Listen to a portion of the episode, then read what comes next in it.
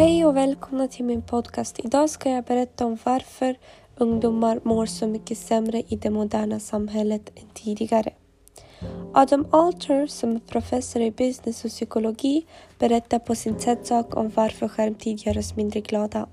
Steve Jobs berättade innan han släppte sin iPad in till marknaden om hur unikt och bra den är. Men när han pratade med en journalist så sa journalisten att Steve Jobs barn älskar säkert iPaden.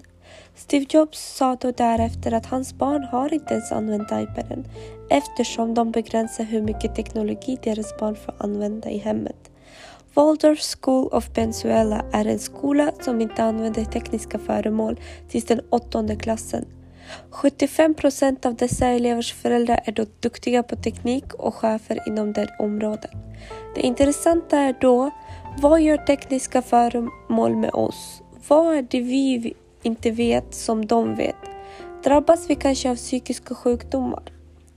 Professor Alter tyckte att det var intressant att se så som jag gör, om hur skärmtiden påverkar vårt liv, så han studerade kring det i fem år.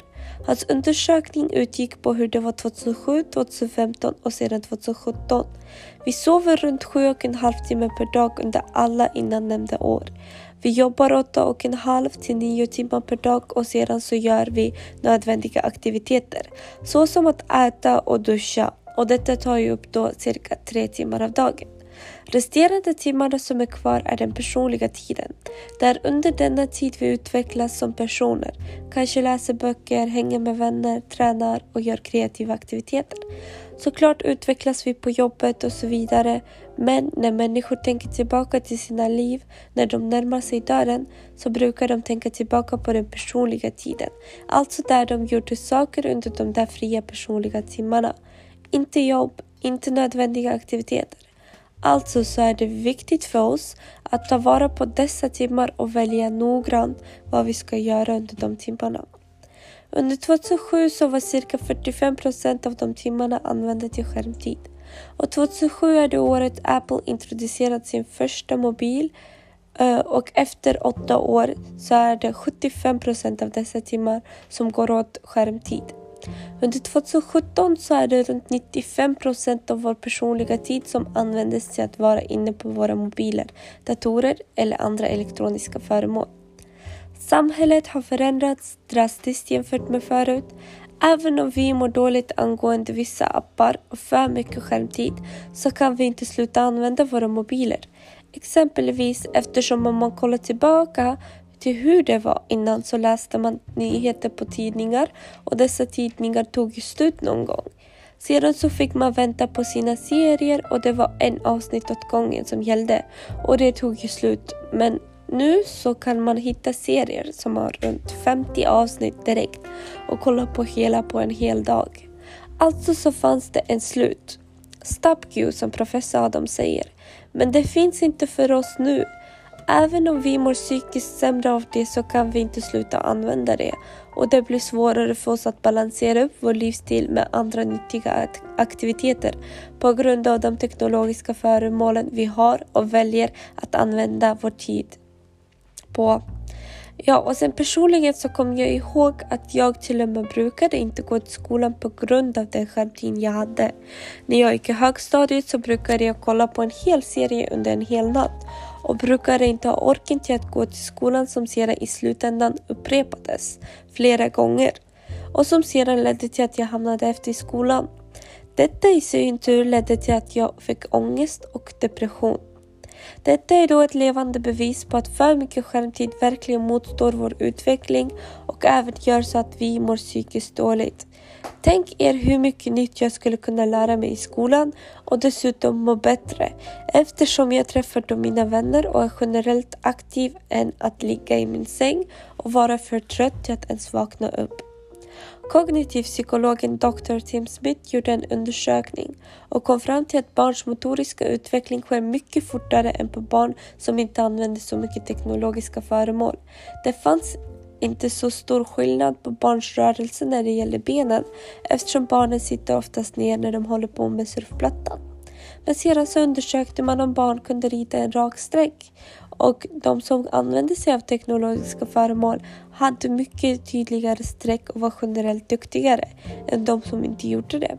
Barnen fick sedan i uppdrag att bygga ett torn med kvadrataktiga föremål. De som inte använde sig av teknologiska föremål kunde bygga ett torn av fem kvadratblockar, men de som gjorde det fick det upp till nio.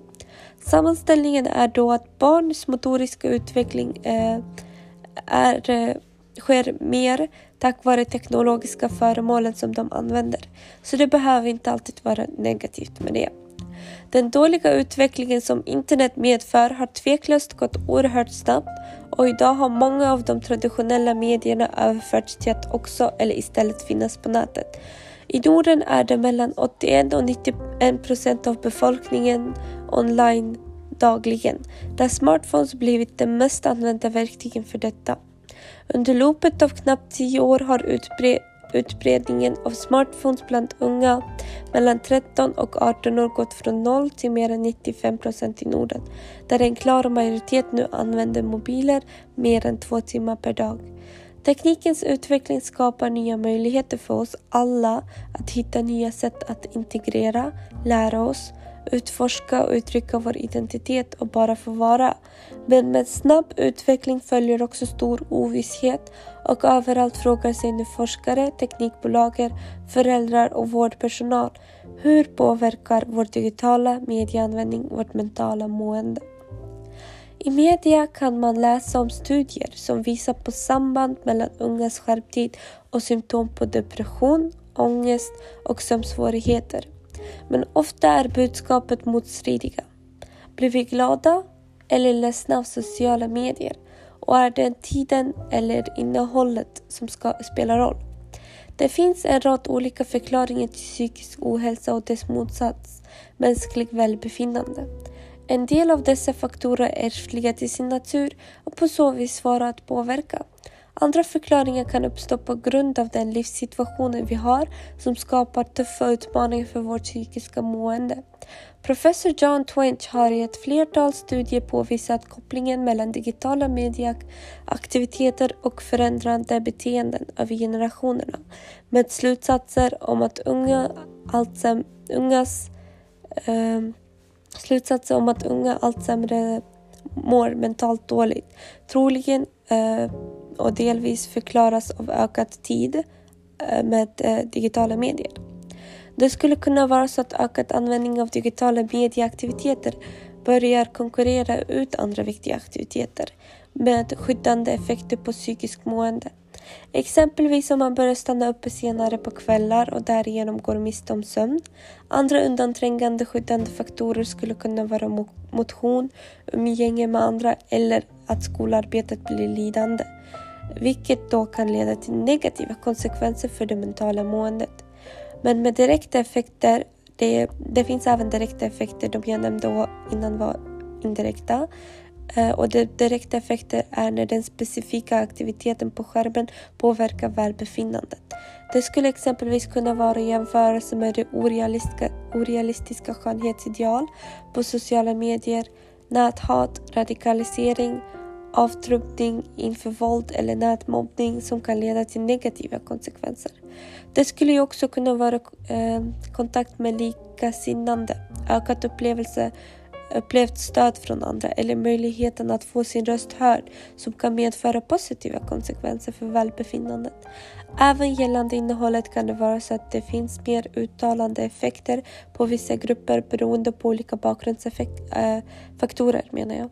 Har man exempelvis en nätstörning i botten och har ett flöde med mycket fokus på utseende kan detta tänkas ha större påverkan än om man inte lider av en ätstörning och har samma flöde. Användandet av digitala medier är med andra ord komplext och speglas troligen av följande faktorer. Bakgrundsfaktorer. Hur mycket av vår tid vi tillbringar med dem. Vilket innehåll vi har under den tiden och hur livet ser ut i övrigt. Alla som använder digitala medier vet dessutom att innehållet växlar mellan olika dagar, tidpunkter och är sällan uteslutande negativt eller uteslutande positivt. De allra flesta psykiska sjukdomarna beror inte på en enda gen. Det är väldigt få sjukdomstillstånd som beror på en gen utan det är ett mass massvis med gener och vanligen så har man även något som triggar i miljön, alltså en väldigt stressig situation där det händer något. Det finns inget beroende sjukdom eller psykisk sjukdom som inte har genetisk påverkan. Om vi tar behaviorismen som ett exempel som forskningen påpekar så är vi olika benägna till att utveckla alkoholism. Vissa kommer kunna dricka mycket mer och andra kommer kunna dricka väldigt lite. Vi ska därför börja använda våra digitala föremål lagom mycket och inte för mycket, så som vi gör i dagens samhälle. Det är bäst för oss och vår framtida generation om vi strävar efter en balans, där vi drar nytta av dagens teknik men inte tillåter den att få oss må dåligt. Om vi fortsätter så som vi gör idag så är risken att vi får många olika psykiska sjukdomar och därmed ökar risken genom arv för de framtida barn som ska födas. Det är kul med mycket skärmtid men vi måste veta vad som är bäst för oss. Tänk smart och för ditt och för andras bästa och försök minska på skärmtiden. Tack för att ni lyssnade.